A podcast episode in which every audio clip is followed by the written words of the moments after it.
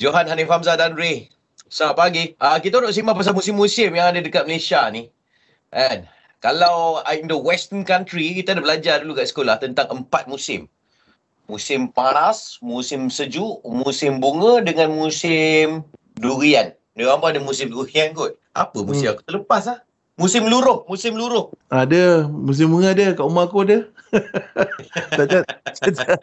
Okey, apa lagi musim kat Malaysia ni? Eh? Hello Johara. Saya rasa musim yang paling saya suka dan ingat musim PKP lah. PKP ni macam-macam saya buat. Banyak benda baru. Duit pun banyak yang terbang. Kalau kat Malaysia tahun 2020 dengan 2021 ni raja segala musim.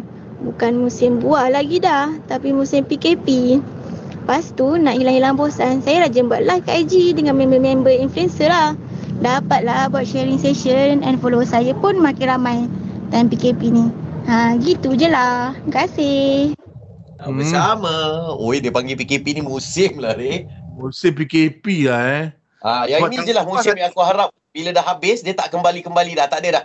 Jangan kembali. Tahun, tahun lepas ada. Tahun ni ada lagi. Masalah musim lah tu. Itu ha. dia kata musim. Tapi bila musim. dah habis, kita mengharapkan yang ni last lah ni.